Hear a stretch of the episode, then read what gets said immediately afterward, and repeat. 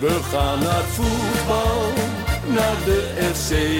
En dan is het Dat uh, is Jan van Dijk die heeft het beslist. Ja, fantastisch natuurlijk.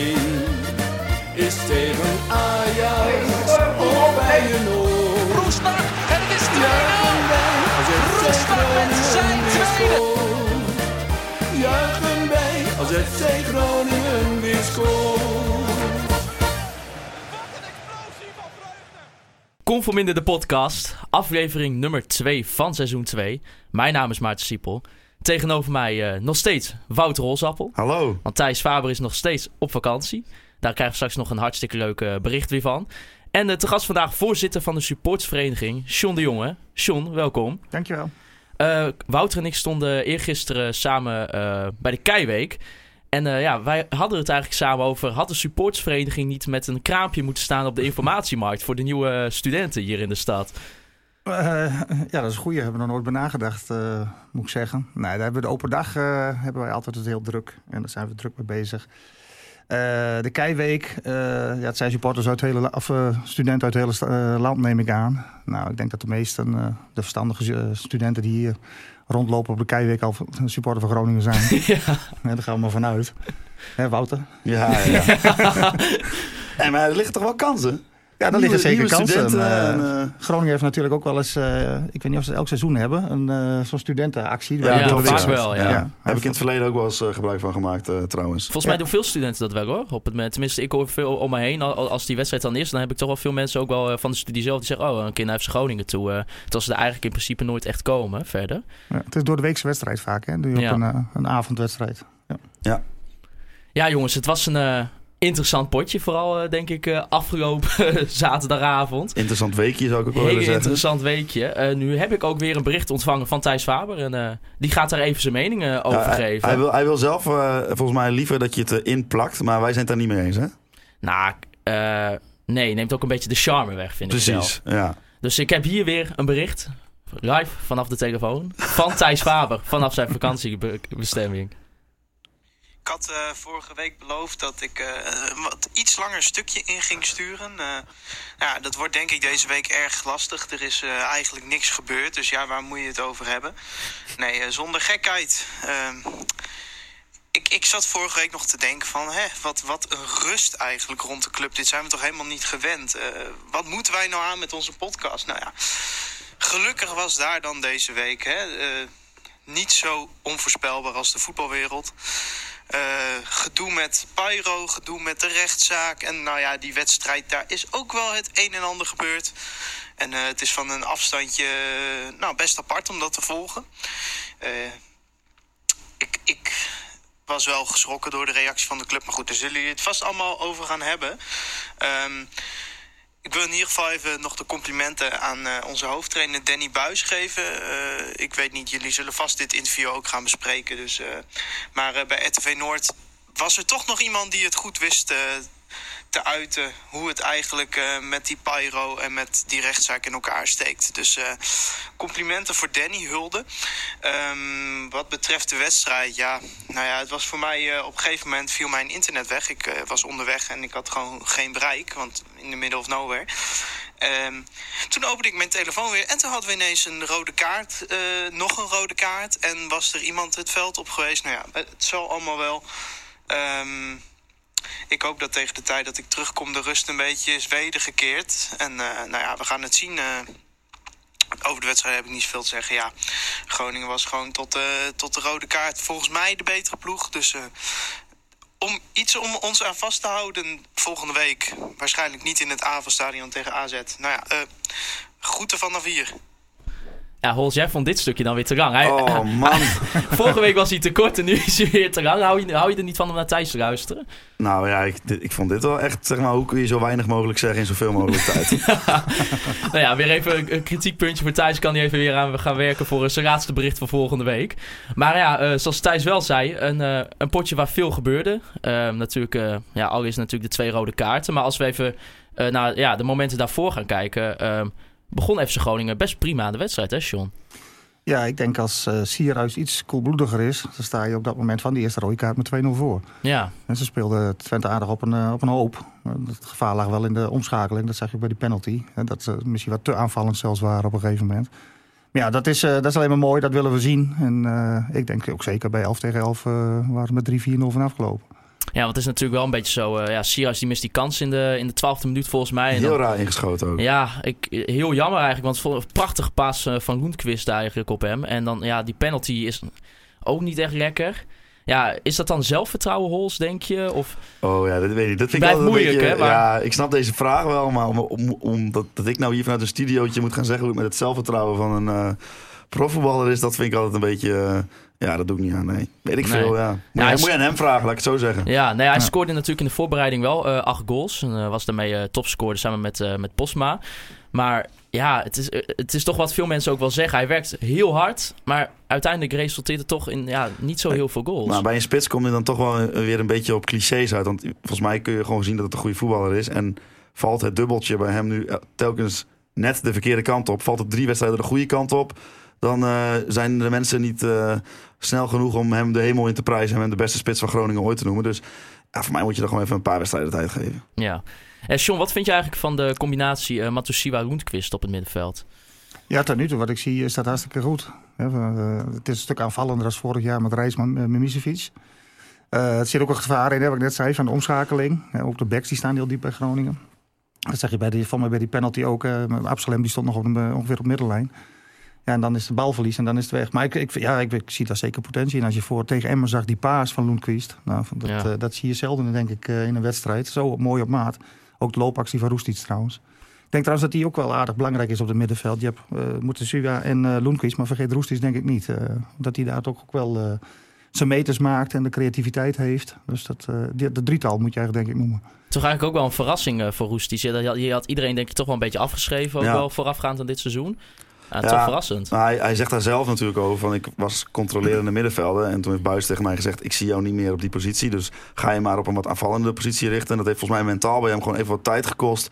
Om, eh, om daar, ja, dit, om, daar eh, aan te wennen. Volgens mij is het ook wel een jongen die eh, dat soort dingetjes wat, wat last- lastiger heeft.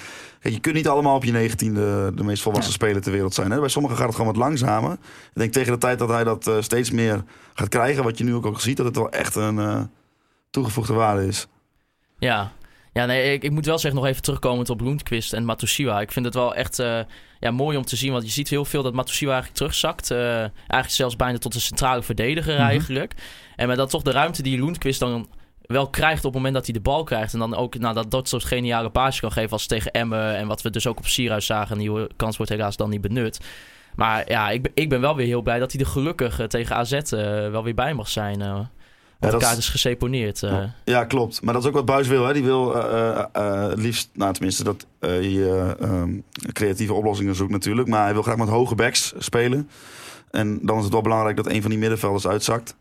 En ja, volgens mij is dat ook wat hij tegen Emmen probeerde. Omdat hij dat, dan- dat dan de backs van Emmen door gaan dekken op de backs van Groningen. Waardoor daar de ruimte komt te liggen voor die buitenspelers die eigenlijk half middenvelders zijn. Een beetje op een, hele dy- dynamische manier zeg maar, daar de ruimte te, te creëren. Ja, Zo heb ik weer wat over voetbal verteld. Precies, ja, en Zo. die, en die backs die worden toch ook wel eigenlijk later gebruikt in de opbouw. Hè? Wat Ja. dat ook wel anders is. Toch wel voor, eh, ja, ik weet ook vorig seizoen ook nog wel vaak nog wel geprobeerd met een U-vorm opbouw. En Precies. dan Mike de Wierik dan, die dan zevenhuik inspeelt of handwerken. Die speelt dan weer de aanvaller in en dan gaat de bal Ja. weer terug. En ik, ik moet, en ik, dat vind ik wel van Itakura ook fijn. Die probeert ook heel veel dan eh, of Matsushima in te spelen of zelfs Lundqvist ook. Doet hij naar mijn mening nog wel een beetje te weinig. Misschien zelfvertrouwen, ik weet het niet.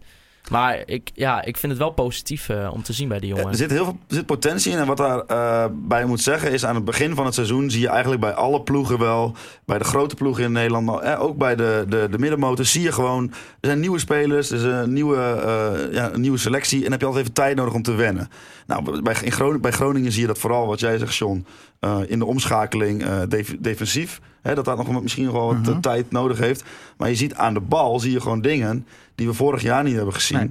En die wel zeg maar, eh, zeg maar blijk geven dat er heel veel potentie zit in dit team. En dat vind ik gewoon wel eh, ja, leuk om te zien. En ook positief. En ook misschien wel een compliment al voor de technische staf. Ja, absoluut. Ik denk En voor eh, Mark- Mark-Jan Vladeres dat hij deze spelers binnen heeft gehaald. Ja. Ja.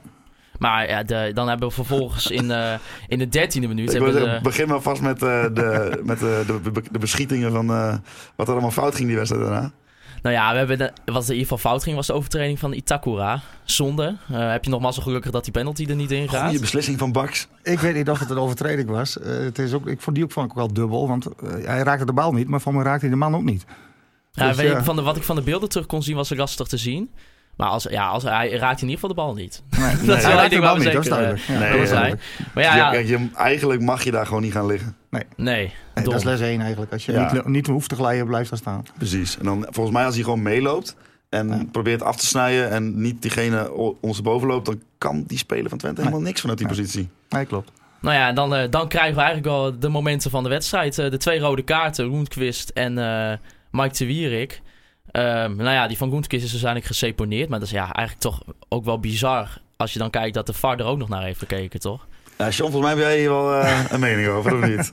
Nou ja, kijk, eh, van Wim Ensingen vond ik het wel mooi zeggen. Je hebt nog rechtsgelijkheid. Eh daar komen we later denk ik ook nog op terug over het recht. Maar, je, je ziet vorige week, Chacon tegenover Koetmonson, precies hetzelfde. Nou, dan is het geel. Nou, en volgens Bax was dit dan, had dat rood, staat hier rood voor. Nou, volgens mij is de tuchtcommissie hem dat duidelijk op de vingers getikt. Van hier, dit zijn overtredingen die geel zijn. Hè, dan, en het is natuurlijk absurd dat hij daar gelijk zo rood terug en dat hij daarna afloop zegt ook dat is keihard natrappen. Nou ja, dan, Dan, dan, dan, dan, dan, dan lul je krom wat recht, of Ja, dat recht wat eh, krom is. eh, dus dat, eh, nee, ik vind, en eigenlijk denk ik alles wat daarna gebeurt is een gevolg van al van deze eerste foute ja, beslissing. precies. Als de, als de rest allemaal was gebeurd en deze niet. Dan, als, als Mike alleen rood had gekregen en verder was er niks gebeurd. Dan hadden we nog met elkaar kunnen zeggen van... Nou ja, eh, kun je vinden, kun je niet vinden, maar oké. Ja. Denk, toch, dat, denk, dat denk ik wel, toch? Ja, ik die denk- van Mike is gewoon dubieus, maar die kun je geven. ja, kijk, als je, nou ja, ja ik, ik vind, dat vind ik ook geel. Ik Dat- ook hoor. vind Persoonlijk vind ik het ook geel. Ja. Ja, als je, het is ook grappig als je alle analyses kijkt van het afgelopen weekend ook. Ik heb er zelf met Mike ook eh, een behoorlijk contact over gehad. Elke ouds voetballer die zelf gevoetbald heeft op hoog niveau, die zeggen allemaal: het is maximaal geel. Het is gewoon een voetbalduel. Eh, hè, de scheidsrechter zegt ja, hij strekt door. Hij strekt niet door. Nee, je hij ziet zelfs strekt dat hij niet zijn kont zelfs iets indraait om Ja. juist te ontwijken. Dus ja, en ik denk dat alsnog, en dat is mijn gevoel, eh, dat Mike niet vrijgesproken is, omdat ze anders Baks helemaal laten vallen. Maar dan zeg je eigenlijk van je hebt er helemaal eh, niks van Nee. gebakken is dan baksen. eh, hoor. Precies. Helemaal een dooddoener, maar... Nee, Nee. maar ja, ik, ik moet wel zeggen dan ook met... Ja, eh, je, het is, dat is ook een beetje het probleem misschien met die VAR. Want dan wordt zo'n eh, moment zoals van bijvoorbeeld de Wierik... echt nou, vijf, zes keer teruggekeken in slow motion. Slow motion, en dan, dan lijken dat soort momenten dan ook veel erger. Want eh, ja, dat is dan ook zo. Ja, als je dat van Mike de Wierik in een halve snelheid afspeelt... ja, dan lijkt het alsof je bijna een doodschop geeft. Terwijl Ja. in het moment zelf, in de realiteit... dan, ja, dan, dan schampt hij hem eigenlijk alleen maar. En is het inderdaad, wat je zelf zegt ook, John... een, een voetbalduel. Ja. Nou. En, en daar uiteindelijk wel cruciaal geweest voor eh, het verloop van de wedstrijd. Maar los van, van eh, of de beslissingen juist zijn, vind ik vooral heel irritant. Dat, de, dat je gewoon als kijker al niet meer weet is dit, of het nou geel of rood is. Want de scheidsrechter weet het kennelijk zelf niet eens. Want die Nee. gaat dus voor de Nee. camera's zeggen van... ja, nee, dit is rood, dus natrappen. En die wordt gewoon een dag later door zijn eigen werkgever... wordt hij gewoon eh, teruggefloten. Ja, ik zal nog erg zeggen. even Van, over woordgrapjes te hebben. ik weet niet of je Dick van Egmond... Nu, ik half nu pas. Eh, of je Dick van Egmond hebt gehoord. Hè, die ook zei van... eh er werd dan gevraagd bij... Nou, ik weet niet welk analyseprogramma. Eh, het VAR-moment van de week. Hè, dat was nu Mike. Maar hij had eh, op alles... eh, gaf je een toelichting in dat programma. En toen werd hem gevraagd het verschil met RKC, Heracles. Hè, de overtreding daar. En die van, eh, van Mike. En hij zei dus letterlijk, die van RKC... Ja, dat is niet op volle snelheid. Hij raakt alleen maar van een puntje van zijn schoen. Of die van die va- Fortuna. Die, eh, die, Ja, eh, of sorry, van Fortuna, ja, oh ja, Fortuna, ja, naam van die die- speler inderdaad. ja, Ja, van Niet op die Ja, oh overtreding. klopt. Ja. Nou, dat, dat zei hij van nee, maar dat was niet op volle snelheid en dat was eigenlijk niet gevaarlijk. En, en bij Mike zegt hij dus echt letterlijk van ja, maar dit was op eh, zo'n snelheid en het was zo bewust als hij hem de knies, als hij hem vol geraakt had, had zijn knieschijf ernaast gelegen. dat zeg je als scheidsrechtersbaas en dan de volgende dag zegt de terugcommissie. Nou ja, één wedstrijd. Hè, ik denk nogmaals, omdat dat ze niet op nul durfden te zeggen. En de ander wordt vrijgesproken. Dan moet je ook als, denk ik, Dick van Egmond eens na gaan denken. eh, van Ja, wat ja, ben ik aan het ik doen? ben, ik ben nog steeds gro- groot voorstander van een, eh, een, een soort review systeem dat je in de wedstrijd momenten van de scheidsrechters kunt corrigeren.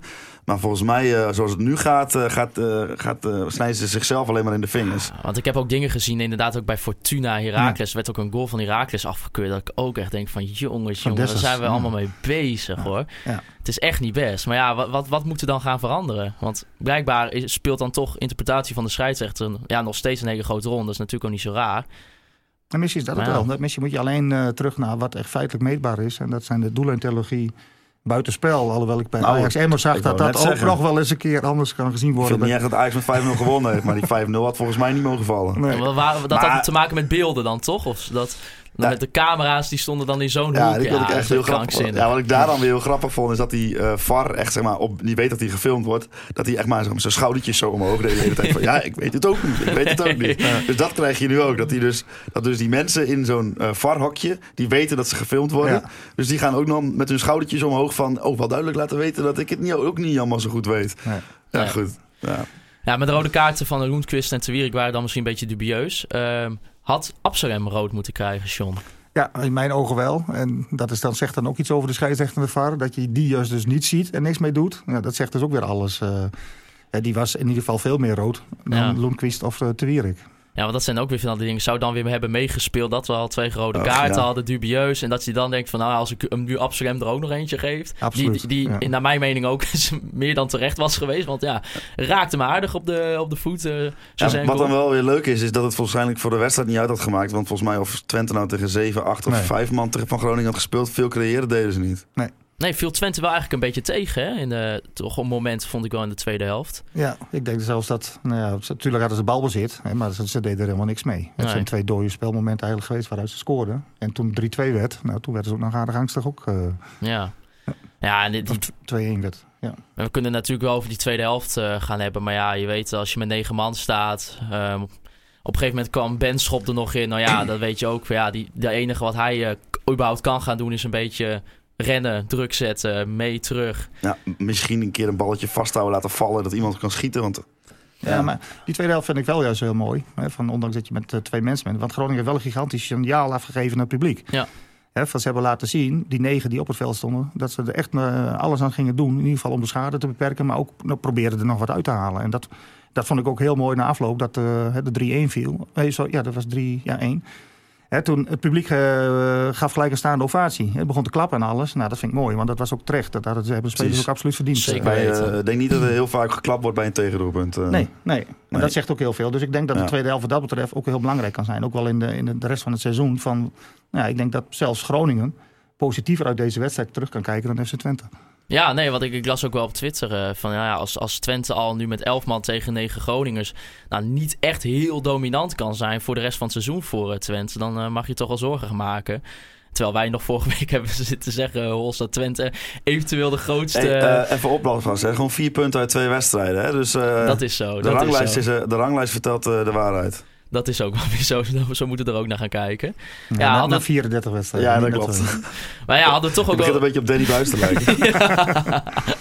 Dan hadden we ook natuurlijk nog de, de, de supporters op het veld op een gegeven moment ook weer. ja, Dan- ja, ja. Ik vroeg me al, eh, je had al iets over de Pido van de week eh, gezegd. Ik vraag me wel af wie, jou, wie jij kiest. Want ja, voor Ah. mij is het toch wel die gast die op het veld kwam. Ja? Ja, ik vind dat zo treurig. Ja, het is een beetje op de vooruitgang. Ja, wat, wat ik dan nog extra treurig vond, is dat, dat artikel in de Dagblad Ja, van de Noorden. Ja, Vind ik had, je, had je die foto, die man die dan in zijn tuinset, op zijn tuinset zit. ja. En die, en dan, ik, ja, ik vond het, eh, ik weet niet, ik zat dat te lezen en ik wist niet zo goed wat ik ervan moest gaan denken. Want ja, ja dan zei die man, ja, ik krijg waarschijnlijk een stadionverbod van 60 maanden. Maar ja, kan ik wel weer een mooie zondag met de vrouw opstappen. ja, en nog even de groetjes aan de, aan de Fanatics en de Z-site. Ja. Mijn god, ja. Oh. Goed, ja. Dan vond ik het andere item over de support van RTV Noord. Och, eh, ja, van de geweldig. 100-jarige vrouw vond ik eh, leuker. En dat vond ik trouwens ook heel leuk vanuit de supportersvereniging eh, dat ze een lidmaatschap Ja, kreeg. Ja, daar was ze ook heel blij mee hoor. Dat, eh, en ze komt, nou, ja, als ze eerst aan haar ligt, eh, komt ze ook binnenkort een keer in het supportershome. Dus dat is dan Oh, natuurlijk ja, helemaal geweldig Ja, dat Ja. 100 jaar, hè? Ja. Ja. fantastisch. Ik vond het ook zo mooi om te Ik, moet- zien. ik kan niet ontkennen dat, dat ik met... eh nou, ja, jaloezie is misschien niet, niet het goede woord, maar dat ik denk van... ah, bah, dit had ik ook wel willen maken voor oog. Ja. Dus eh, alle complimenten aan de collega's van Ed Noord. Ja. Geweldig. Wij kregen een eh, luisteraarsvraag van uh, Mang uh, Langejan. Hoe? Ja, Magne Rangejan. ik, weet, ik weet niet. Ik, misschien is het echt nou. Ja, ik weet niet zo goed hoe ik het moet uitspreken. Maar in ieder geval, waarom denken jullie dat Buis voor een 4-2-3-1 eh, kiest in plaats van het 4-4-2, wat vorig jaar veel werd gespeeld? Nou, allereerst omdat hij ook de eh, mogelijkheden in de selectie heeft om 4-2-3-1 te spelen. Dat was vorig jaar toch wel een stuk minder. Weinig eh, mensen die die posities aan de buitenkanten konden invullen. Ja, oké, Roestic, maar die heeft daar hè, die, die naar die positie toe moeten groeien. Precies. Ja. Ehm, je hebt eh, met Goodmanson en Elan Kouri twee mensen die op links kunnen spelen. Je hebt met Doan en de Russisch nu twee mensen die op rechts kunnen spelen. S- je zou eventueel zelfs nog met jeugdspelers daar kunnen spelen. Want die beginnen ook wel aardig op de deur Ja. te kloppen, geloof ik. En ja, ik denk eh, als Buis vindt eh, dat er een tegenstander is waarbij hij wel met twee spitsen moet gaan spelen, zal hij dat ook niet nalaten. Zien jullie, daar, heeft- zien jullie beide daar eventueel een toekomst in? In een, in een ja, bandschop samen met Sierhuis bijvoorbeeld? Eh, ja, waarom niet? Ja, ik denk dat hij dat zal gaan, eerder zal gaan doen tegen eh, teams die beter worden geacht. Ja, Maar ja, ja, ik zou nu vooral met dit wat je nu aan het bouwen bent, zou ik doorzetten. Want dit ziet er gewoon goed uit. Ja, ik denk dat wij twee prima wedstrijden hebben gezien. Ja. En eh, ja, zeker. Ik was een beetje op de bank van, nou ja, daar had je Loenquist er eigenlijk in principe ook niet bij tegen AZ. Daar ben ik wel echt heel blij dat je die mee terug hebt. Want wat hij toch de eerste helft liet zien, denk ik dat hij dit seizoen echt heel belangrijk voor het team eh, zou kunnen zijn, uiteindelijk. Ja. En Buis heeft ook wel aangegeven van, eh, eh, dat hij niet... Zeg maar, zo'n voorbereiding, dat lijkt wel eh, zeven wedstrijden of zo. Maar je, je kunt niet alles experimenteren, zeg maar. Nee. Dus het, het, het gedeelte eh, experimenteren met twee spitsen heeft hij een beetje achterwege gelaten. Omdat hij zich wil focussen op wat, ze nu, wat er nu goed gaat, zeg maar. Ik denk dat Buis het niet alleen doet trouwens vanwege hè, de mogelijkheden die hij heeft. Hij heeft ook altijd gezegd, ik wil aanvallend voetballen. Maar op een gegeven moment als jij met vier eh, uit tien staat, Ja. ja. dan, dan is het overleven. Dan is het alleen maar punten halen. En op een gegeven moment was dat succesvol. Hè, maar hij, hij zegt zelf ook, eh, als hij teruggaat naar vorig seizoen... ja, het voetbal was natuurlijk niet eh, echt om aan, te- aan, aan te zien. Nee. Dat klinkt wel heel negatief, hè, maar in ieder geval niet spectaculair. Maar dat was ook niet de bedoeling. Je moest gewoon die punten gaan Precies, halen. ja. hè. Dus, wil eh, zeggen, dat klinkt helemaal niet negatief, want het was gewoon zo. ja, ja, dat is Ja, heel logisch. Een, dat je dat noodzakelijk doet. Kwaad noem je, dat, Ja. noem je dat over het algemeen. En net wat jij ook al zei, Wout, je hebt nu zoveel meer mogelijkheden om ook aanvallend te spelen. Als je kijkt wat je eigenlijk vorig seizoen had, eh, zeker ook als we die eerste zelf- seizoen zelf van vorig seizoen bekeken, wat je dan ook op de bank had. Vergeleken met nu, wat je allemaal aanvallend nog meer kan brengen. Ja. Dat, dan, ja, En jongens die er toen ook al waren en nu weer een jaar verder zijn. precies. Dus eh, nou ja, En goede jeugd, inderdaad, nog weer Ja. daarachter. Hè, die nou bij Jong Groningen gisteren bijvoorbeeld ook gespeeld hebben. ja, Ben ik heel benieuwd naar, wat, naar een paar Ja. van die jongens. moeten wel, eh, ja, zal de toekomst eh, uitwijzen. Hè? Maar in ieder geval, weet je, ondanks het eh, 3-1 verlies, denk ik eh, dat we hoopvol kunnen zijn. Eh, zeker over dat gewoon dat eerste half uur. En ja, het is altijd een beetje wat als je nog met 11 man of met 10 man had gespeeld, had je Twente dan eh, verslagen. Ja, op basis van dat eerste half uur denk ik wel. Maar ja, het is altijd als. Ja, ik denk wel wat John zegt dat het wel belangrijk is. eh, over, ook over dat, hè, die- dat applaus bij de 3-1. Want ik denk wel dat zo'n wedstrijd als tegen Twente ervoor zorgt... dat je als supporter echt zin krijgt om weer naar de volgende thuiswedstrijd te gaan. In dit geval. Ja, het is, het, is, het is denk ik, ze hebben zeker reclame gemaakt. Zelfs met negen, gewoon met negen man, hè, ondanks Ja. een nederlaag. Ja, Want ik zit al te kijken van, oh, die volgende thuiswedstrijd kan ik nou eigenlijk wel. Want eh, mijn collega Daniel die doet altijd de interviews en zo. Dus Mhm. ik ben altijd een beetje het eh, aanplaksel. Maar ja, ik zit, zat echt op mijn telefoon te kijken van, kan ik, die, kan ik die dag wel of heb ik dan wat anders? Dus eh, zelfs ik heb al een beetje zoiets van, ah, ik wil het eigenlijk wel weer aan het werk zien. ja Heracles Almelo, eh, 31 augustus, zaterdagavond. Dus eh, Ja, Daar hebben we weer zin in. Eh, ja, uh, Thijssen noemde eh, in zijn bericht ook eh, de rechtszaak. Ja, daar moeten we natuurlijk nog wel even eh, over hebben. Ja. Eh, We zijn nu natuurlijk wel een aantal dagen weer later. Eh, hoe kijk je er nu een beetje weer op terug? Nou ja, het vervelende is, we hebben nog steeds die argumentatie niet. Op basis waarvan de rechter heeft, eh, onze vordering heeft afgewezen. En dat, eh, ja, dat, dat is eigenlijk gewoon... Dan pas kun je echt zeggen van, nou, eh, wat is je gevoel? Nu vind je het echt terecht. Waarop is het afgewezen? Ik, voor mijn gevoel zegt dat het is puur op een paar juridische dingen. Hè, dat de KNVB het zo juridisch, die algemene voorwaarden, allemaal afgetimmerd heeft.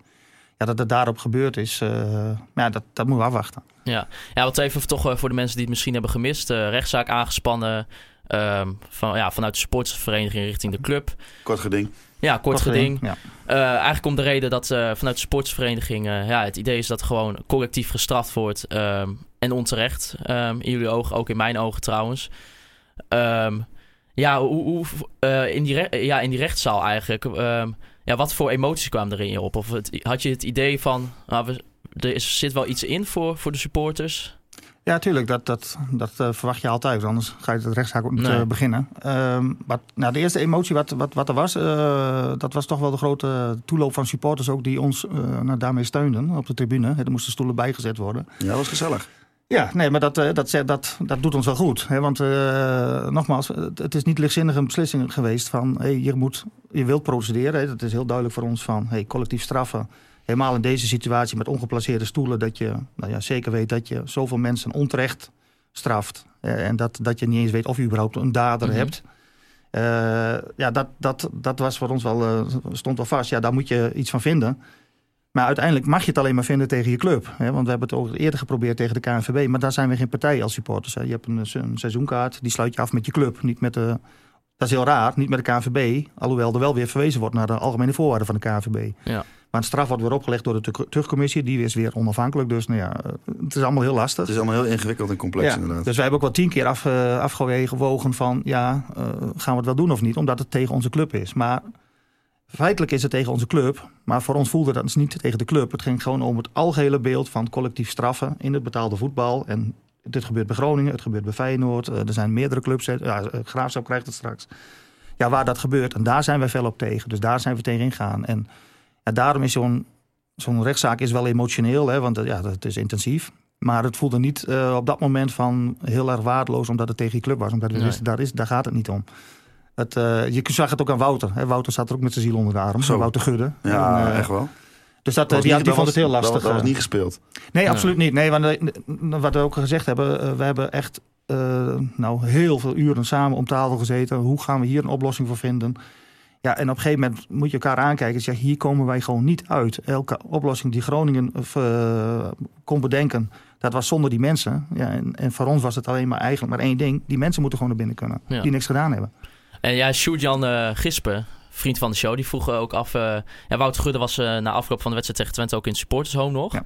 Ja, ja is, is, is er, ja, hoe is de, ja, de relatie nu tussen, tussen de SV en Wouter Gudde? Die, zegt eigenlijk wel dat het gewoon goed is. Die is, die is niks minder dan voor de rechtszaak. Hè, want eh, Wouter die kan ook heel goed, eh, en dat hoop ik dat wij dat ook kunnen en blijven kunnen, eh, heel goed scheiden van dat dit een zakelijk iets is. Dit heeft niks met personen te maken.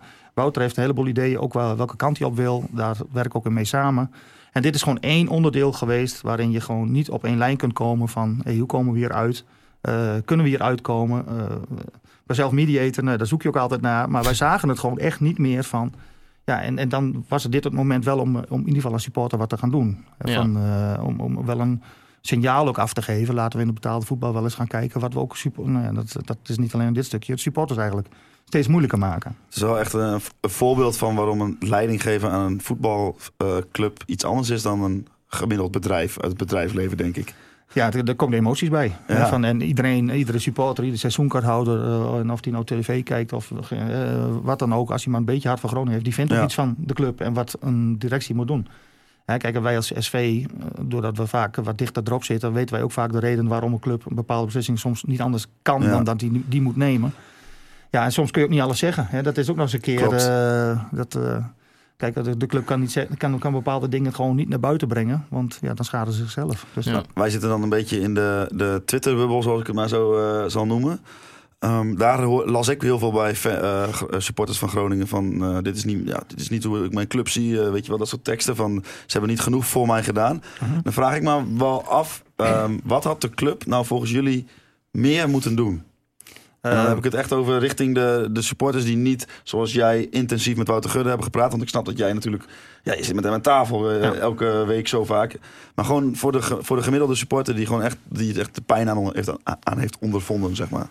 Nou, wat, wat vaak is, is denk ik eh, de manier van communiceren. Dat, dat is nog wel, daar kun je nog wel iets in doen. Om het, eh, ik, heb ook tegen Wouter na afloop gezegd. Ja, wat, eh, het is natuurlijk een heel juridisch steekspel op het moment dat je Ja. op zo'n rechtbank zit. En dat is heel koud en kaal en kil, hè, wat er gezegd wordt. En ja, ook denk ik dat je in een rechtszaak, en, dat, en dan kijk ik vooral naar een advocaat, dan niet naar Wouter zelf, want de advocaat was al aan het woord. best wel even het gevoel terug kunnen geven hoe, eh, ja, hoe ze zelf ook baalden. Dat, hè, dat ze wisten dat mensen onschuldig waren en dat die gestraft werden. Dat signaal had ik, nou ja, Ja, had ik wel graag iets eerder eh, of meer gehoord. eh, dat ze, en dat, daar zitten ze heel erg mee, dat weet ik ook. Ja. Alleen, ja, zeg het ook maar. Dat is het. Dat is denk ik inderdaad wel, ik denk dat ik het dan met je eens ben, ja. Maar ja, het, was natuurlijk, het is voor Wout Gudde natuurlijk ook wel een beetje eh, moeilijk. Want ja, die heeft natuurlijk die afspraken eh, gemaakt met al die eredivisieclubs. Ja. Van nou ja, als eh, dit met vuurwerk gebeurt, dan is er deze straf. En dan ja, dan kan hij toch eigenlijk ook verder niet zo heel veel. Ja, of tenminste, hij gaat niet natuurlijk in zijn eentje tegen de KNVB zeggen van... eh hey jongens, eh, ik heb de lekker scheid aan, zoek lekker allemaal uit daar in Zeist. Ja. Maar ik denk als je het eh, zou gaan hebben over lege vakken, dan eh, zou je als club nog prima een keer uit principe kunnen zeggen: Weet je wat, dan doen we het gewoon niet. En dan hebben we daarna een helemaal een lege tribune. Dat is ook een mooie solidariteitsgedachte. Maar ik denk dat het vooral gaat eh, bij hun over het financiële, de financiële gevolgen. Want daar, volgens mij, dat zei hij ook tijdens dat, eh, die bijeenkomst. Dat zei van ja, nou nu is het zoveel duizend euro, maar de volgende keer, poh, we moeten er niet aan denken. Ja, ja, dat is een stuk. Maar ook het, stu- ook het stuk van de, het niet genoeg eh, van de lege tribune hebben, hoor, dat vindt hij net zo erg. Ja, dat is ook natuurlijk net zo erg. Maar dan kun, daar kun je nog van zeggen van dat is een eh, principe statement kunnen we nog maken. Ja, dat kan. Eh, wat, wat, wat denk ik nu veel belangrijker is, eh, eh, en nou ja, dat, eh, dat zal Wouter denk ik ook doen. eh, binnenkort is er een ECV-vergadering. Dat zijn eh, de directeuren zeg maar, van alle eredivisieclubs. Dat ze dit gewoon ter sprake gaan brengen van, eh, hè, want er zijn nu behoorlijk wat clubs die of al een leeg vak hebben gehad, eh, of de- op de grens staan of op een voorwaardelijke. Ja, dat eh, wat ze een paar jaar geleden hebben afgesproken van het collectief straffen, dat ze er toch wel in gaan zien. En dat hebben ze in Duitsland ook vorig jaar afgeschaft. Dat dat gewoon niet de manier is waarop je dit gaat inperken of gaat oplossen. Vinden jullie dat Wouter Gudde daarin op de barricades moet gaan staan? Als, als, als, als hij is degene die het als eerst echt de pijn ervan heeft ondervonden, moet hij dan ook maar degene zijn die bij die vergadering de, hè, de, de, de microfoon pakt en zegt: Jongens, eh, dit kan zo niet. Ik denk dat hij daar Ja. wel heel veel waardering eh, voor zal gaan krijgen van in ieder geval de supporters. En ik ben ook overtuigd dat Wouter het gaat doen. Ja, nou laten we het hopen in ieder geval. Oké, nou ja, goed. Ik denk wel eh, ook dat je heel blij was met de reactie van eh, Danny Buis. Eh Thijs noemde het zelf ook. Eh, ja, Danny zei ook van ja, eh, waarom moet als ik in een vak sta met iemand die een fakkel afsteekt, waarom moet ik dan daarvoor worden gestraft? Ja. Toch? Ja, dat is Eh, precies waar, waar het om ging. De Ja. hele rechtszaak gaat, gaat er puur om van, hé, hey, ik doe niks. Eh, eh, iets voor iemand anders doet wel wat. En ik heb een, een overeenkomst geslo- gesloten. Dat klinkt heel, heel juridisch weer. Hè, maar ik heb een seizoenkaart. Daarvoor heb ik recht op 17 wedstrijden. En nu in één keer niet meer. Dan, eh. Ik mag er nu maar 16 in. Dan mis je straks wel 15. Of, ja, dat kan ook. Eh, wie wie weet, als het drie, vier keer gebeurt... Ja, dan, dan zou je op een gegeven moment nog een seizoenkaart kopen. Want dan kun je beter losse kaartjes kopen. Want die worden niet gestraft. Hè. Alleen de seizoenkaarthouder wordt gestraft. Dus Ja. ja, dat, dat is precies waar het om gaat. Je doet niks en toch word je gestraft. Ja, loyaliteit loont in deze niet echt. Hoe Nee. doe je dat? Nou ja, als jij dus loyaal bent aan je club, je wil een heel Ja. seizoen heen, dan heb je Ja. maar zo het, ri- het risico dat je een paar keer niet mag komen omdat eh, een- wat andere idioten een. eh, Ja. Nou ja, goed. En nu las ik ook nog iets eh, op jouw Twitter, Hols, dat de KVB dus eigenlijk wilde dat wij dan allemaal foto's van de supporters gaan maken. Ja, dat stond, dat- dat- ik denk dat je dat beter aan John kan vragen, maar dat stond in de strafeis, hè? In de strafeis van de KNVB. Ja, dat, is, dat, zijn de, eh, de, ja, dat zegt wat de KNVB Dus zegt. Die zegt pas- van eh, de supporters doen ook niet alles om hè, de, de, de daders, hè, de, zo'n woord daders, te identificeren door erop af te lopen of foto's te maken. Nou ja, dat, Ja, maar dat, dan toen, was dan- in de rechtszaak ook wel leuk geroezemoes. Hè, Ja, van, daarom verstond ik het ook verkeerd en zei ik Ja. eerst, de- deed ik nog Groningen slash KNVB, maar dat Ja. de, de advocaat had zichzelf even weer gecorrigeerd, dat ik niet goed gehoord. En de eerste, nou, in eerste instantie heb ik het ook niet eh, goed gehoord. Maar onze advocaat vroeg er nog specifiek om. En, eh, van, hey, zeg je nu dat de supporters dat had moeten doen? En toen zei hij, nee, dat is wat de KNVB verwacht. Ja. Ja, dan is de KVB toch compleet de- debiel. Die, die snapt dat toch dan. Nee, die Dat- heeft dan niet echt het gevoel van hoe dat eh, werkt. Er zijn wel meer mensen buiten die zeg maar niet echt in het stadionbezoek zitten, die inderdaad de- deze mening ook hebben, volgens mij. Maar als je toch één keer in het stadion hebt gestaan naast zo'n groep. En ja, je kunt het ermee eens zijn of niet, of die cultuur van bijvoorbeeld ultra's of andere groeperingen die dat soort dingen doen. Je kunt ermee eens zijn of niet of dat een cultuur is die jij goed vindt of dat dat überhaupt goed is. Maar je kunt toch niet eh, zeggen van. Oh, maar dan moet je er maar even heen lopen en die jongens op een schoudertje tikken en ze, eh hey, eh, kereltje, dat, wil je dat eh, fakkeltje even uitdoen? Ja. Ja, ik denk, ook- als, je dat, als je dat doet, dan ben je alleen maar aan het escaleren. Ja, maar dat werd ook aangegeven door Groningen zelf. Hè? Ja. Van hun stewards grepen ook niet in, juist om escalatie te voorkomen. Juist. En dan verwacht dat dan niet van supporters. Nee, want. En vergeet ook niet dat heel veel supporters die ook wel op de Noordtribune staan, daar ook om staan vanwege die sfeer. Hmm. Eh, want ja, eh, wij hebben natuurlijk als SV een achterban die is van, van totaal links tot totaal rechts. En dan niet politiek gezien, maar in dit geval. Hè, van, Ja. eh, de, de ene, het helemaal linkse, die zal het helemaal ver- verwerpen. Het, het- elke fakkel. En aan de andere kant zijn er mensen die zeggen, ja nee, hè, ook ultra's zijn lid bij ons. Eh, Mhm. ja, die vinden het prachtig. Ja. Tuurlijk, ja. Hoe sta je daar dan zelf in eh, als voorzitter van de ja, supportersvereniging? Nou, wat, wat ik zelf vind, dat vind ik nu even niet belangrijk. Ik denk dat het eh, betaalde voetbal veel meer moet gaan kijken met z'n allen hier in Nederland. Van eh, hoe gaan we hier een oplossing in vinden? Want Mhm. ik ben ervan overtuigd. Eh, zolang er betaald voetbal is, zal er ook uh, Piro zijn. Hè, dat, dat zie je in heel Europa, zelfs de wereld. Hè. In Amerika gebeurt het. Ik heb afgelopen weekend Duitse bekerwedstrijden weer gezien waar het gebeurt. Ik ben zelf afgelopen vakantie bij twee, drie Deense wedstrijden geweest, twee Zweedse. Daar zie je het ook allemaal. was het ook gezellig dit weekend? Heerenveen was het, uh, ja, ja Heerenveen had een uh, georganiseerde opperveld, zag ik. Ja. Uh, Feyenoord, ja, die is ook georganiseerd, maar dan niet met de club volgens mij in het uitvak. Leeg vakje dus. ja, dat zal, dat zal waarschijnlijk straf zijn, maar het blijft gebeuren. Dus kijk, was in Scandinavië en ook van in Oostenrijk en wat Zwitserland, waar hebben ze gekeken van nou, hoe kunnen we dit op een goede manier dan samen met supporters kunnen kijken wat is daar een oplossing in. Maar daar moet je naar gaan werken. Want op het moment dat je nu zegt, ja, iedere keer zijn Piro is één vak leeg. Daarna een halve, een halve tribune leeg. Daarna het hele stadion leeg. Ja, wat is dan het volgende? Punten mindering, de club terugtrekken uit de competitie. Mhm. Dat werkt niet. Hè? Van, je ziet het ook, in januari zijn die regels uh, versterkt, verscherpt. Ja. En volgens mij sinds, sinds januari meer Piro dan ooit op de tribunes in Nederland. Dus ja, dat is een automatische reactie. En, en dat, hoef je, dat kun je goed vinden of niet goed vinden. Maar het is, een, het is iets wat opgelost moet worden. daar moet je uiteindelijk naar kijken. Je kunt het allemaal als een probleem zien, maar je moet naar een oplossing gaan zoeken. En uh, theoretisch is het natuurlijk heel mooi. Je kunt het gewoon zeggen van oké, het mag niet, dus we doen het niet. Want dat is de theorie. En dat hoor je ook heel vaak van eh, het zijn gewoon boeven, want ze, ja. het mag niet, dus ze doen het wel. Maar volgens mij vergeet je dan gewoon hoe de praktijk werkt. Want de praktijk wijst nou ja, in deze, dit small sample uit dat het gewoon doorgaat. Ja, absoluut. En, in, ja. en ik zeg, er zijn ook heel veel supporters die ook gewoon zeggen dat hoort ook bij de voetbalbeleving. Ja. Ja, dus dat, uh, en ja, daar kom je niet uit. Als je alleen maar, nou ja, voor mij is dat met heel veel dingen zo. Hoe harder je straft, ja, dan, dan, dan krijg je juist een tegenwerkende reactie. Volgens mij moet je samen in gesprek gaan. Ja, ja, zo betuttelend komt het allemaal over.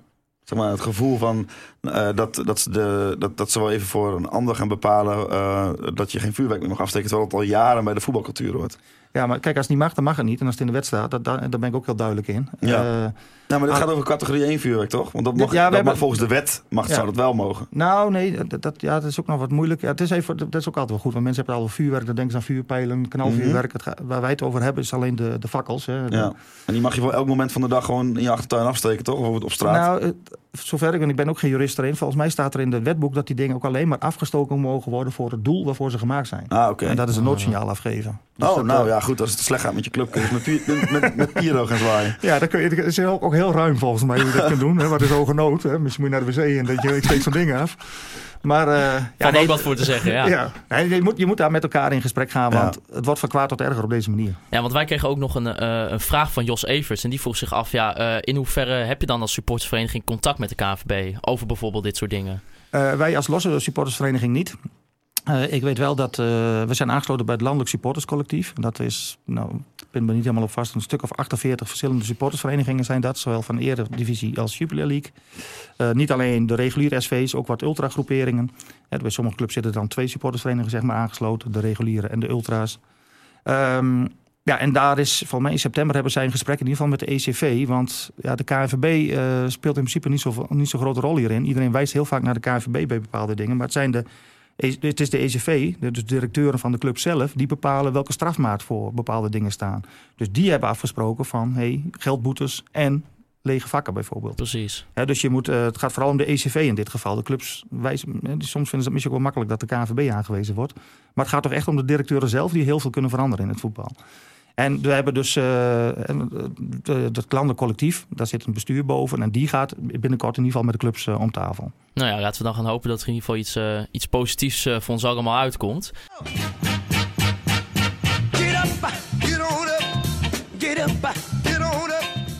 Uh, ja, we gaan terug naar een, uh, een terugkerend item in de podcast. Uh, we hebben gezegd dat we de Pidohannen van de week eigenlijk alleen maar doen op het moment dat er echt ook een Pidohan is. Ja. En die is er deze week weer. Ja, mij betreft meerdere kandidaten zelfs. Zeker weten, want ja. Uh, ja, we hebben natuurlijk Christian Baksen of de KVB, de VAR.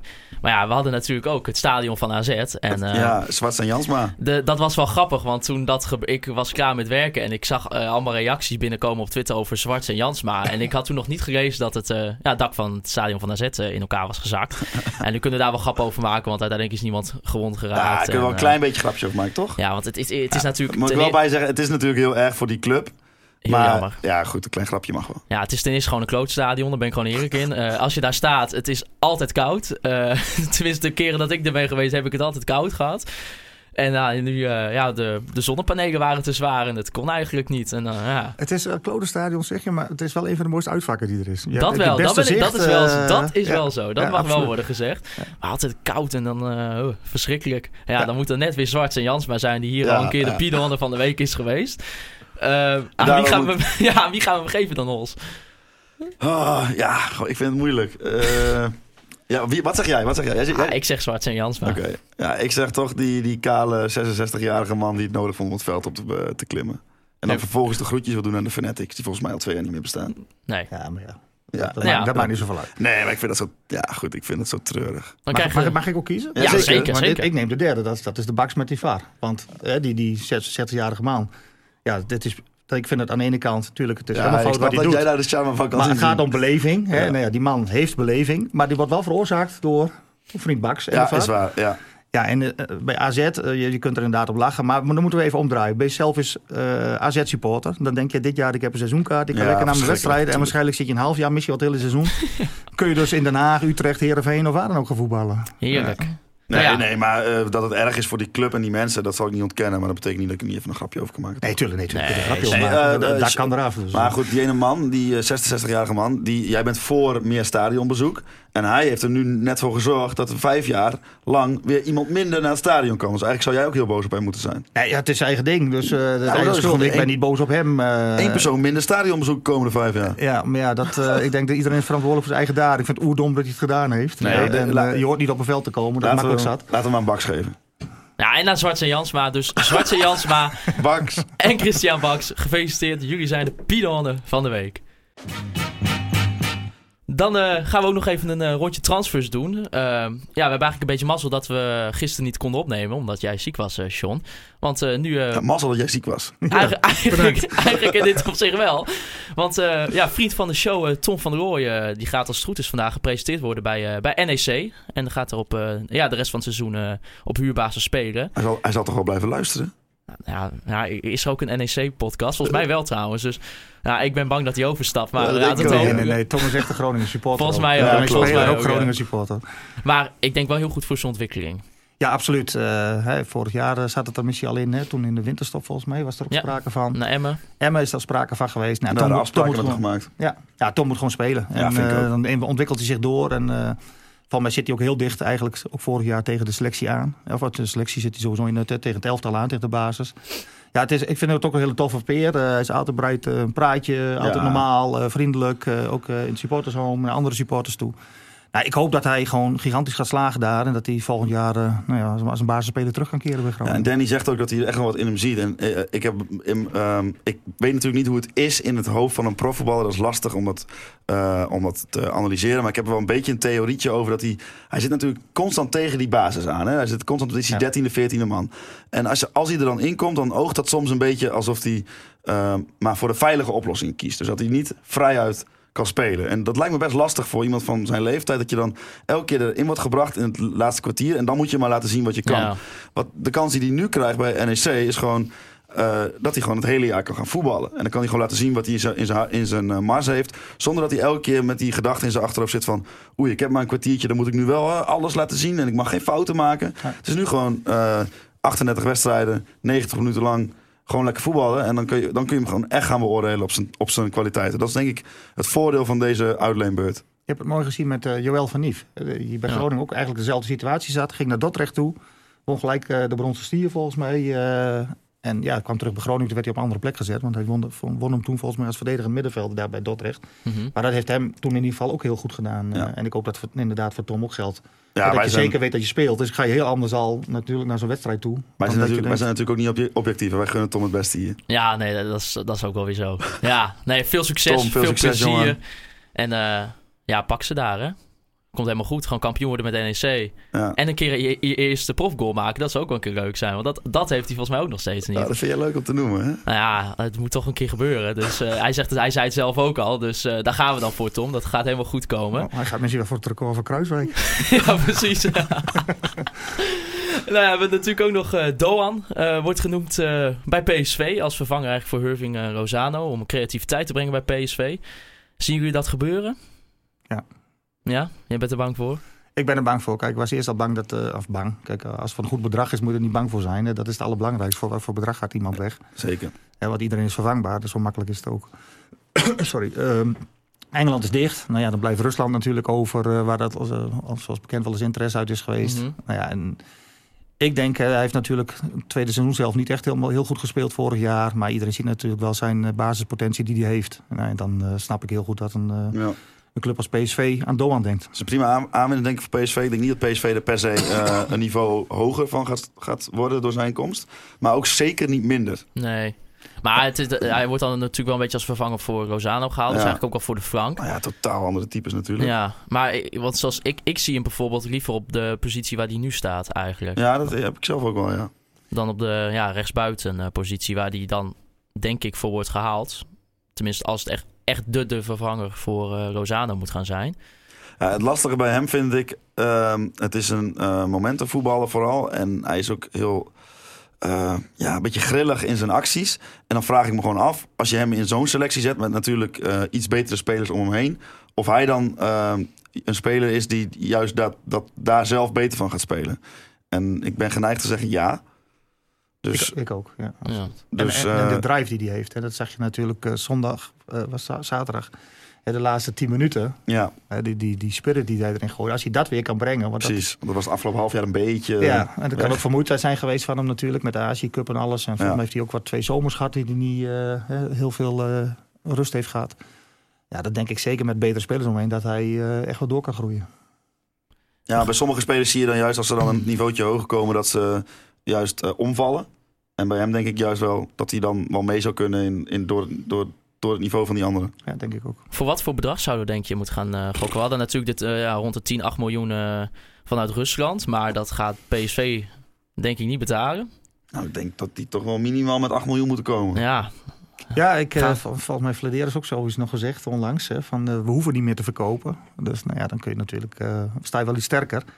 Aan de andere kant, eh, je weet ook, PSV die krijgt 40 miljoen. Is dat wat ik hoorde? Voor ja dat Lozano. waren eh, een best bedrag in ieder ja, in ieder geval best bedrag. Dat weet Groningen ook natuurlijk. Mhm. Kijk, en hoe korter je straks op eh, 1 september komt.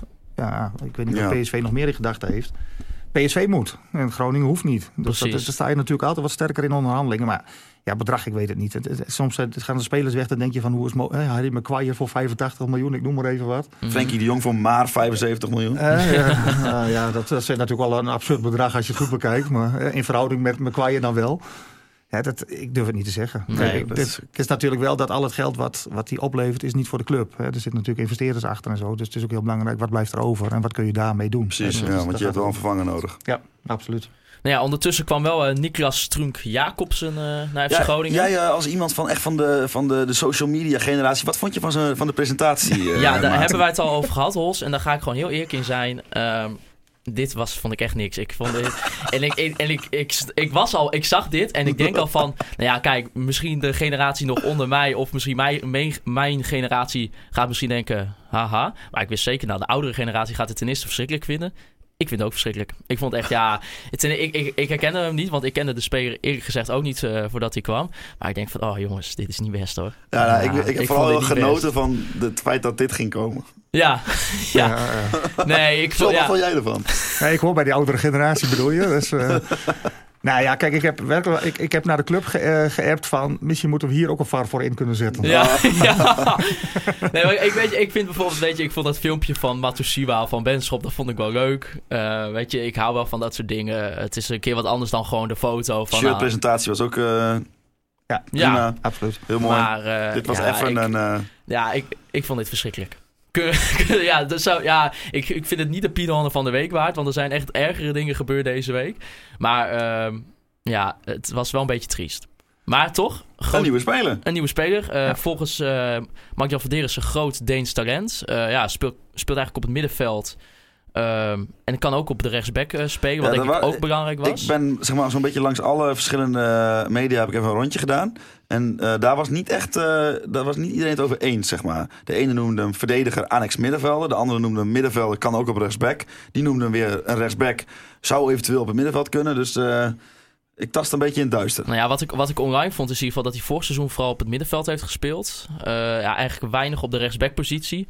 Wel nog eh, Europa League ook gespeeld, zes wedstrijden. Dus Mhm. ja, ik, ik ben heel eerlijk, ik weet niet zo goed wat ik van die jongen moet verwachten. Want ik eh, ken hem gewoon niet. Ik ook niet. Dus eh, het is een, gaan het zien. de, de Deense Glenn Bell, zeg maar, maar dan wat jonger. ja. De ja deze het- klembel. Nou, eh, bij deze eh ja, Qua hoe- positie. Qua Weet je ook weer. Stroenk hoeveel? ja, Niklas Jacobsen. eh, Stroenk Jacobs. Stroenk Jacobsen, de Deense bel. Gegeven door John de Jonge van de sportersvereniging. Nou ja, Ja. wij- als hij in ieder geval op rechtsback kan spelen, dan hebben we in ieder geval wel de backup voor Zeefuik binnen. Wat denk ik wel nodig was. Want op het moment dat je Zeefuik eh, niet eh, ja, tot je beschikking hebt, ehm, is eigenlijk de oplossing die nou, vroeger ook vaak is gebruikt, Mike de Wierik. Eh, en nou, ja, alle respect naar Mike, maar dat moeten we maar beter niet gaan doen. Maar hij moet lekker in het centrum gaan staan. Precies, en dat doet hij gewoon hartstikke goed. En ja, niet op de rechtsbackpositie, dus ja, we gaan het zien. Misschien maar nog een vraag eigenlijk in het hoofd. Mhm. Eh, die staat niet in je script, Maarten, dus ik hoop dat je het aan kunt. Maar wie is eigenlijk aanvoerder als Mike, eh, Mike er niet is? Heb ik even. is dit- Nou, de aanvoerdersband werd eh, overgenomen door Doan. Oké, dus? Doan is eh, weekend Correct me if I wrong trouwens, ja, maar... eh, ja, of uh, Missie Samir, maar die was er natuurlijk niet. Nee, precies, Dat die ja. in principe de tweede is, dat weet ik ook niet. Ja, dat Eh, snap ik. Maar ja, ik, dat was gewoon echt... Het schiet me nu even te binnen en ik heb er ook niet naar gekeken verder. Maar Ik ook niet. Ik Nee, denk als wat. John zegt, als je Memisevic normaal gesproken tot je beschikking hebt, is denk ik hij de tweede aanvoerder. Maar ja, wie zijn wij? Ja, hè? die is er ook niet. Nee. Ja, ik dacht dan gaat hij dan toen hij eruit ging van nou, dan gaat hij misschien terug naar pad, maar dat was Dat lijkt me ook niet. Maar dan ding. bedenk ik meteen van... Ja, wat is er een aanvoerdersband toch eigenlijk ook weer iets voor de bühne? Ja, Ja, weet ik niet. Maar Ja, de aanvoerder staat wel altijd natuurlijk direct naar de wedstrijd voor die camera en dat- alles. En dat doet Mike ook goed. Dat Eh, doet Mike zeker goed. Ja. Nee, maar ik bedoel meer van... Ja, dan, zitten we nu, moet je nu dus kijken van... Ja, moet hij hem dan? Of moet hij hem dan? Of moet hij hem dan? De tweede aanvoerder is inderdaad wat anders. hè. Het gaat om die eerste aanvoerder volgens mij. En je, je hebt denk ik ook, hè, Pat is geen aanvoerder meer, maar ik denk er zeker nog wel een leider in de kleedkamer Oh, is. absoluut. Hè. Dus het is, een aanvoerder is natuurlijk voor je beeld naar buiten toe. Ja, ja, ja, zeker.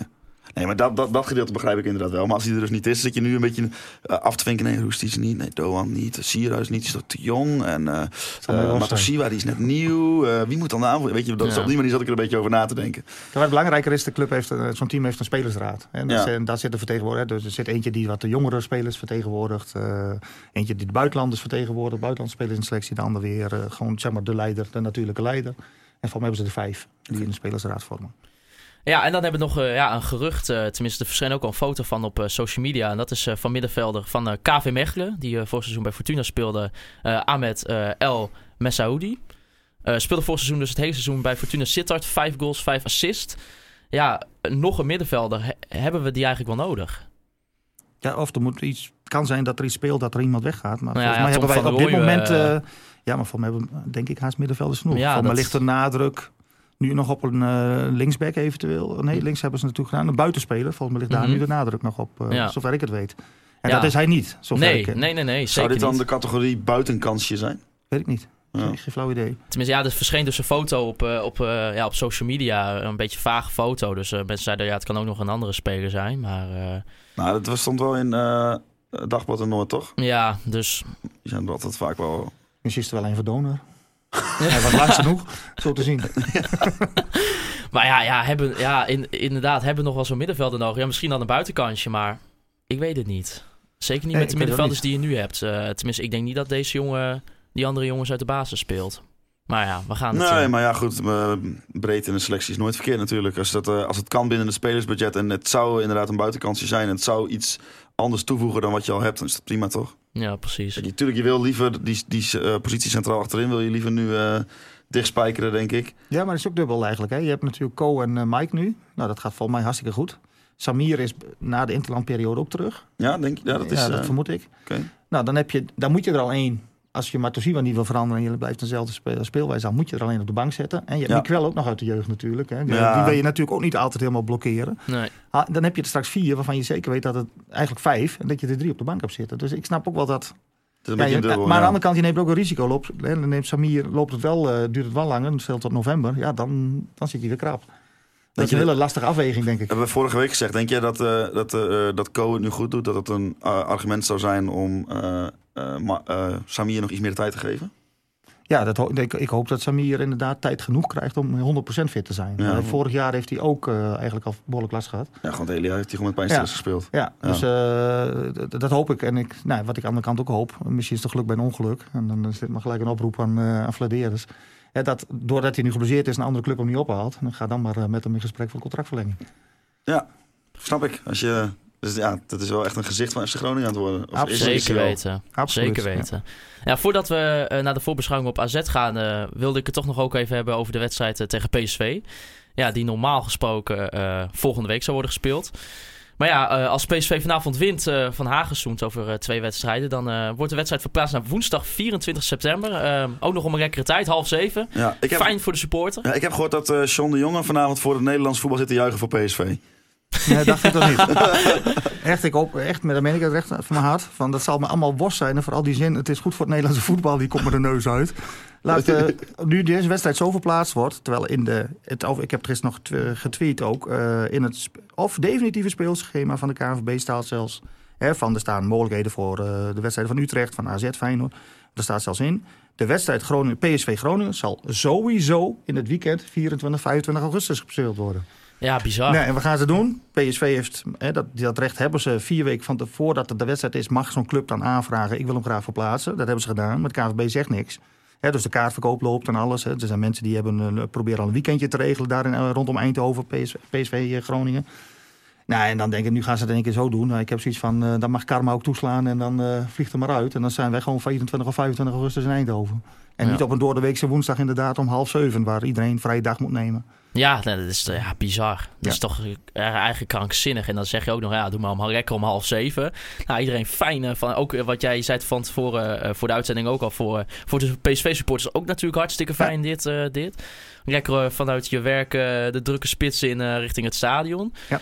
Maar eh, ja, Ja, tegen... joh, maar we, eh, we kunnen hier over dit onderwerp volgens mij wel een eh, complete nieuwe podcast opnemen. Volgens mij eh, met jou, eh, John. Want hier eh, kun je denk ik wel twee, drie uur over praten. Ja, dat, het, het- nou ja, kijk eh, wat, wat het gebeurt. Eh, De PSV heeft nu ook al drie wedstrijden op zondagavond 8 uur. Hè. Dat is ook zoiets wat nou, vorig jaar geprobeerd is. Is afgeschoten door het Openbaar Ministerie en de supporters. Dit jaar toch maar weer geprobeerd. Hetzelfde ding als 16 korpsen van de politie zeiden nee, wij willen niet zondag om 8 uur. Eh de support, landelijk supporterscollectief heeft daar tijdens die vergadering keihard gezegd van nee, dat willen wij niet. Want oh, bij die, het landelijk collectief bij een congres heeft 100% van de supportersvereniging gezegd wij willen niet zondagavond 8 uur. Hè, voor een tv-kijker is dat prima natuurlijk, maar als je stadionbezoeker bent, nou, Ja. eh, dan is dat, eh, zit er heel veel nadelen aan, laat ik het maar even voorzichtig zeggen. En dan, ja, nu fietsen ze dat er toch weer in, hè, die clubs. En ook hier weer, die directeuren doen het zelf. Hè. Dat is Ja. niet de KNVB die zegt, we gaan zondagavond 8 uur voetballen. Nee, dat zijn de directeuren. En dan, kijk, waar ik niet zo goed tegen kan, is dan de, weer hebben we het weer over communicatie. Dan wordt er gezegd, ja, dat is goed, eh, beter voor de rustverhouding van spelers. Dat ze dan op donder, eh, dat ze dan Europees hebben gespeeld. Dat ze dan niet om kwart voor vijf voetballen, maar om acht uur. ja. Nou, dan, dat, dat, dan denk ik van zeg gewoon knetterhard. We zitten aan een vastcontract, Fox-contract vast. Dat we ook op zondagavond 8 uur zouden gaan voetballen. Ja, Ja, want daar, dat is het bottom line. Het heeft met Fox te maken. ja. tuurlijk. Ja. En niks met eh Europees. Want ik denk niet dat er ook maar één punt meer is. Omdat eh, PSV of Ajax 2,5 uur extra rust heeft op zondag. Maar aan de achterkant kun je ook zeggen... na de volgende wedstrijd heb je 2,5 uur minder rust. Ja. Ik was wel blij met eh, de reactie van eh, Gudde. Die zei, eh, die had toch wel een beetje kritiek op hoe dit proces eh, rondom de uitwedstrijd wat PSV was verlopen. Eigenlijk nou, ja, dat je anderhalf week van tevoren zegt van ja, we verplaatsen die wedstrijd gewoon als PSV doorgaat in Europa League. Dus eh, Ja, ik vond het een hele goede reactie. Van, eh, dat, dat, dat, dat moet ook aangepast worden. Dat moet, eh ik moet zeggen, in het land om ons heen, eh, want daar wijs ook wel eens na, gebeurt het ook wel eens, hè, dat soms op het laatste moment wedstrijden verplaatst worden. Maar je moet rekening houden met mensen die gewoon naar het stadion toe gaan. ja, precies. Als, je dit, als dit normaal wordt, zeg maar, dan wil je je stadion niet vol hebben. Nee, precies. Ja. Dus ja, ik snap de, die frustratie snap ik heel goed. Ja. Want ik bedoel, ook, hè, we hebben het eh, voor, de voor het opname, opname even over gehad. Volgens mij zijn we het daar redelijk over eens dat een vol stadion, dat is het belangrijkste. En dat zal juist het vlieg, een vliegwiel zijn, ook voor Fox, ook voor al die andere instellingen. Want hoe voller het allemaal is, hoe meer mensen erbij betrokken worden, die neemt die weer mee. En dan gaan mensen die niet in het stadion zitten, die gaan lekker thuis kijken naar een vol stadion. Ja. Maar hoe dat nu gaat, dat... eh, Het tv-product, even zo, wordt interessanter inderdaad als het stadion vol zit. ja. ja. nou ja, blijft eh, lastig. We gaan voorbeschouwen, jongens. Eh, AZ dus, die eh, gaan we spelen in Den Haag eh, vanwege een Zwartse Jansma. Dus, nou ja, dat is in ieder geval lekker. Eh, AZ staat momenteel eerste in de Eredivisie. Ja, won twee, de twee wedstrijden. Ja, mag ook wel gezegd worden dat het niet de moeilijkste wedstrijden waren met Fortuna thuis en RKC uit. Wel nog nul goals tegen en onze oude vriend Idrissi is momenteel de topscorer met drie goals. Eh, ja, als ik dan naar dat team van AZ kijk, eh, eigenlijk weinig goede spelers verloren. Ja, Guus Stil natuurlijk wel, naar Ja. Spartak eh, Moskou. Maar voor de rest staat dat team nog wel vrij solid hoor. ja. Ik, denk, ik denk dat AZ misschien wel gelijkwaardig aan PSV is. Misschien wel. Ja. ja. En steken is beter als Feyenoord of Vitesse of Utrecht. Ja, want als je ook naar die aanval kijkt. Je Ja. hebt natuurlijk weer Stenks is weer terug van de blessure. eh Boadou, die ook echt fantastisch speelt. Ook de meeste assist heeft momenteel voor AZ. Ja, echt zo fantastisch. Hoeveel... Idrissi. Idrissi ook natuurlijk. Ja. Dat mag ook gezegd worden. Fantastische aanval. Zoveel jongens ook uit de eigen jeugdopleiding. Vind ik ook nog steeds knap. eh, iets wat FC Groningen natuurlijk eigenlijk zelf ook wilde vroeger. Maar ja, qua kwaliteit lukt dat gewoon niet. En bij AZ eh, blijkbaar wel. Ja, eh, hoe ga je dat bestrijden? Nou, ik denk eh, wat eh, John zegt. AZ heeft gewoon een heel hoog niveau. En in principe ga je daar gewoon van verliezen. In de 9 van de 10 keer bewijs van. Ik zou zeggen, probeer gewoon het spel wat je de afgelopen weken hebt gespeeld. Probeer dat gewoon door te voeren. En als je dan met 1-0 verliest. Dan heb je in ieder geval geïnvesteerd in de rest van, in de rest van het seizoen. Ja. En als je straks eh, met eh 11 man voor eigen pot gaat liggen. En in de 89 minuut krijg je hem tegen. Dan heb je er echt helemaal geen ene zak aan. Nee, en, ja, het, het zit natuurlijk altijd voordeel in hè, van, eh, dat je in Den Haag speelt. Het is op kunstgras. Nou ja, dat is allebei niet eh, geliefd natuurlijk. AZ wil het niet en eh, Groningen niet. Dus dat is al voor AZ in ieder geval vergeleken met een thuiswedstrijd anders. Ik weet niet hoeveel Alkmaar supporters meegaan. Of supporters uit Alkmaar. Ja, dat zal ook minder zijn dan Ja. dat je daar in, eh, in Alkmaar... Hoe heet het eh, stadion? AVAS? Ja, avondstadion, ja. eh, zit. Dus dat, dat is al een stukje. Eh, je hebt niet je eigen kleedkamer. Dus ik denk dat ook zeker psychologisch het wel een stukje meewerkt. Ja. Dat AZ niet echt het gevoel heeft, we spelen thuis. Het Nee. uitvak zit eigenlijk ook ja, bijna vol. Hè. We mogen niet meer dan dat we nu hebben. Dat zijn de 430. Van in Haag kunnen er 500, dus het is relatief vol. Mhm. Nou, als wij toch behoorlijk wat lawaai daar gaan maken... dan kunnen we misschien ook wel zorgen dat Groningen een beetje het idee heeft... Nou ja, dat het op neutraal terrein is in plaats van een uitwedstrijd. En dat kan natuurlijk wel een doorslagje geven. Ook nog eens een combinatie dat eh, nou ja, AZ eh, ook Europese beslommering heeft. Ja, ja, ja. Ja, ben ik, al- ja, mogen nog blij zijn ook, vind ik, eh, wat ik ook eerder zei, de Roenquist in ieder geval eh, Ja, Ja, beschikbaar is. ook, ja, dat zo is belangrijk echt is. belangrijk. Eh, maar ja, natuurlijk niet Mike de Wierik. Wie gaat daar op cv staan? Want eh, Hmm. we hebben natuurlijk niet Samir Memisevic, aangezien hij geblesseerd is. Toen viel het stil, denk ik. En dan, ja, als je dan toch naar de opties gaat kijken. eh, Ik neem aan dat jij ze al even hebt uitgeschreven. Nou ja, als, je, als, we, al- als we echt op de bank gaan kijken, wat je bijvoorbeeld tegen, eh, tegen Twente op de bank had staan, ja, dan heb je eventueel Bart van Hintem eh, zou kunnen. Eh, heeft volgens mij ook wel bij Heracles soms op cv gespeeld. Sterker nog, hij, heeft in die, eh, hij speelt in die wedstrijden zeg maar, eh, eh, van Groningen 2. En van de reserve speelt hij ook centraal. Omdat Buis zeg maar, helemaal vast... eh, dus ik denk dat Buis zo'n scenario al aan heeft zien komen... Van dat Bart van Hintem eventueel centraal moet gaan spelen. Dus Ja, hij heeft daar al de afgelopen weken gestaan... in die wedstrijden eh, van tweede, zeg maar. En dan Co op de rechterkant. Dat zou dan... eh, Ja. ja, Ja. maar ja, en, en dan heb je eventueel, of je gaat eh, voor Miguel, denk ik dan toch.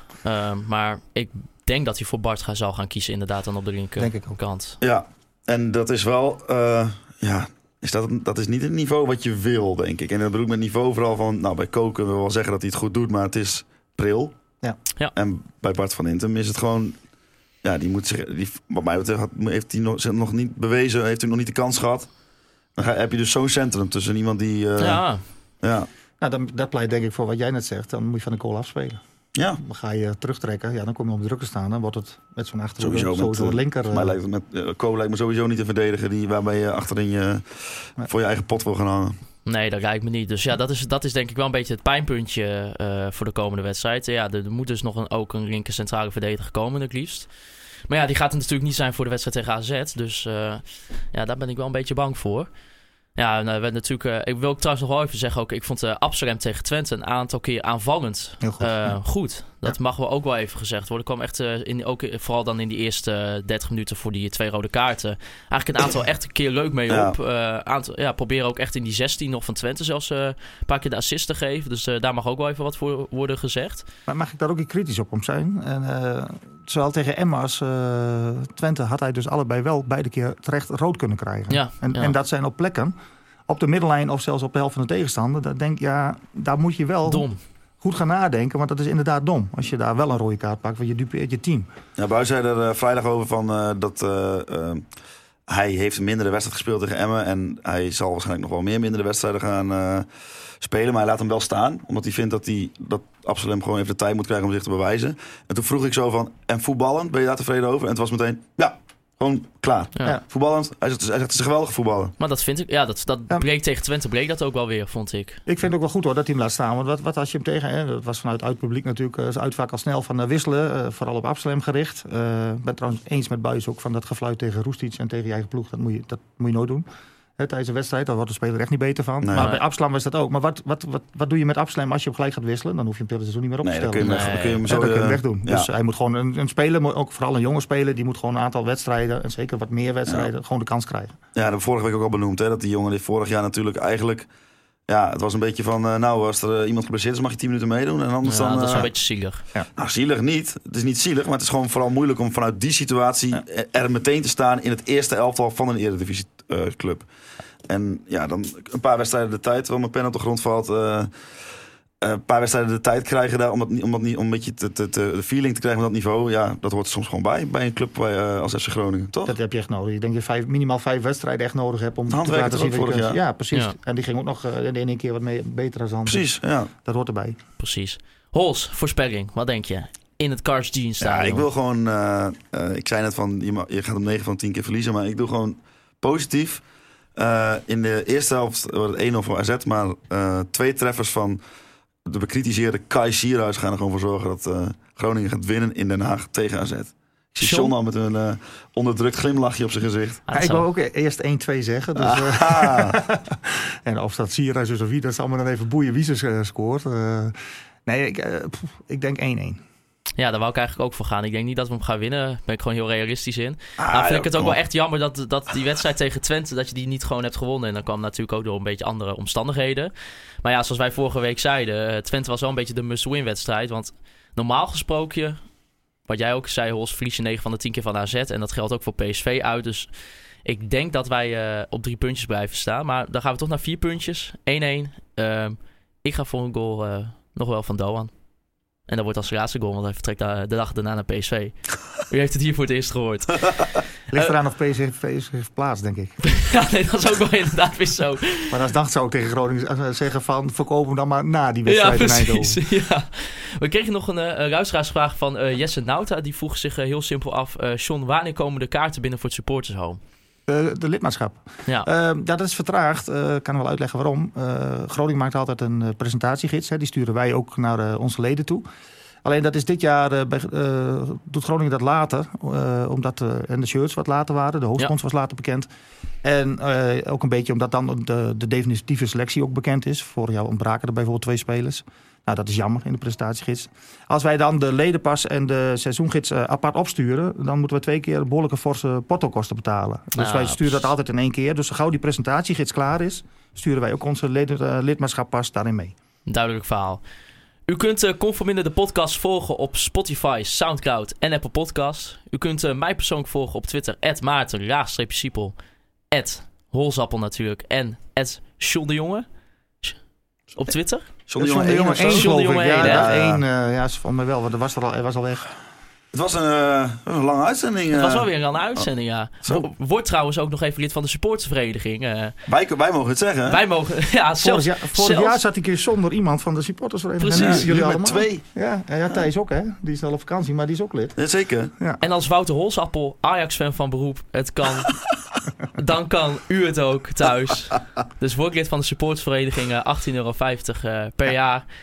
En Ja, eh, Wil ik nog even, even heel kort nog. Eh, je ziet ook wat een sterke supportersvereniging kan doen. Hè? Dat heb je aan die rechtszaken die Je kunt dan ook echt op een goede manier voor, voor supporters opkomen. Ja, mijn complimenten Ja, daarvoor. ja, dat wou ik ook inderdaad ook niet nog omdat ik, eh, eh, mijn werk is natuurlijk, dat botst daar misschien een beetje mee, maar niet omdat ik me- met wie dan ook eh, partij kies, maar gewoon het feit dat je inderdaad als vereniging zo voor je supporters gaat staan, dat kan je volgens mij alleen maar eh becomplimenteren. Dus eh, complimenten daarvoor. Ja, en we willen dat ook voor de club doen. Hè? We hebben tweeledige doelstelling voor de supporters. Belang opkomen ook voor de club. Maar hè, dan moet je wel sterk zijn. En hoe meer leden, eh, dan, dan ben ik nu even een commercial gelijk. Mhm. Eh, dan, eh, hoe meer leden, hoe makkelijker je dat ook kunt Ja. doen. Word lid. Ja, precies. Nee, maar dat wou ik ook nog zeggen, inderdaad, complimenten. Ik denk een voorbeeld eh, ja, voor alle supportersverenigingen in Nederland, eh, wat jullie hebben gedaan eh, voor de straf eh, Ja. die, de, die we hebben gekregen als supporters zijnde. Ja, wil ik jou natuurlijk ook nog bedanken voor je komst, John. Bedankt. Af en toe een hoesje. Af en een hoesje, maar ja. Ja, goed, hou je toch. Ja, geen precies. probleem, Vond geen probleem. heel subtiel. Ja, zeker. Ja, ja. Ging perfect, ging perfect. Free Westerhof en Mark Pepping natuurlijk nog eh, voor de intro en outro muziek. En dan wil ik als laatste u bedanken voor het luisteren naar Conforminder de podcast. Juichen wij als FC Groningen weer scoort.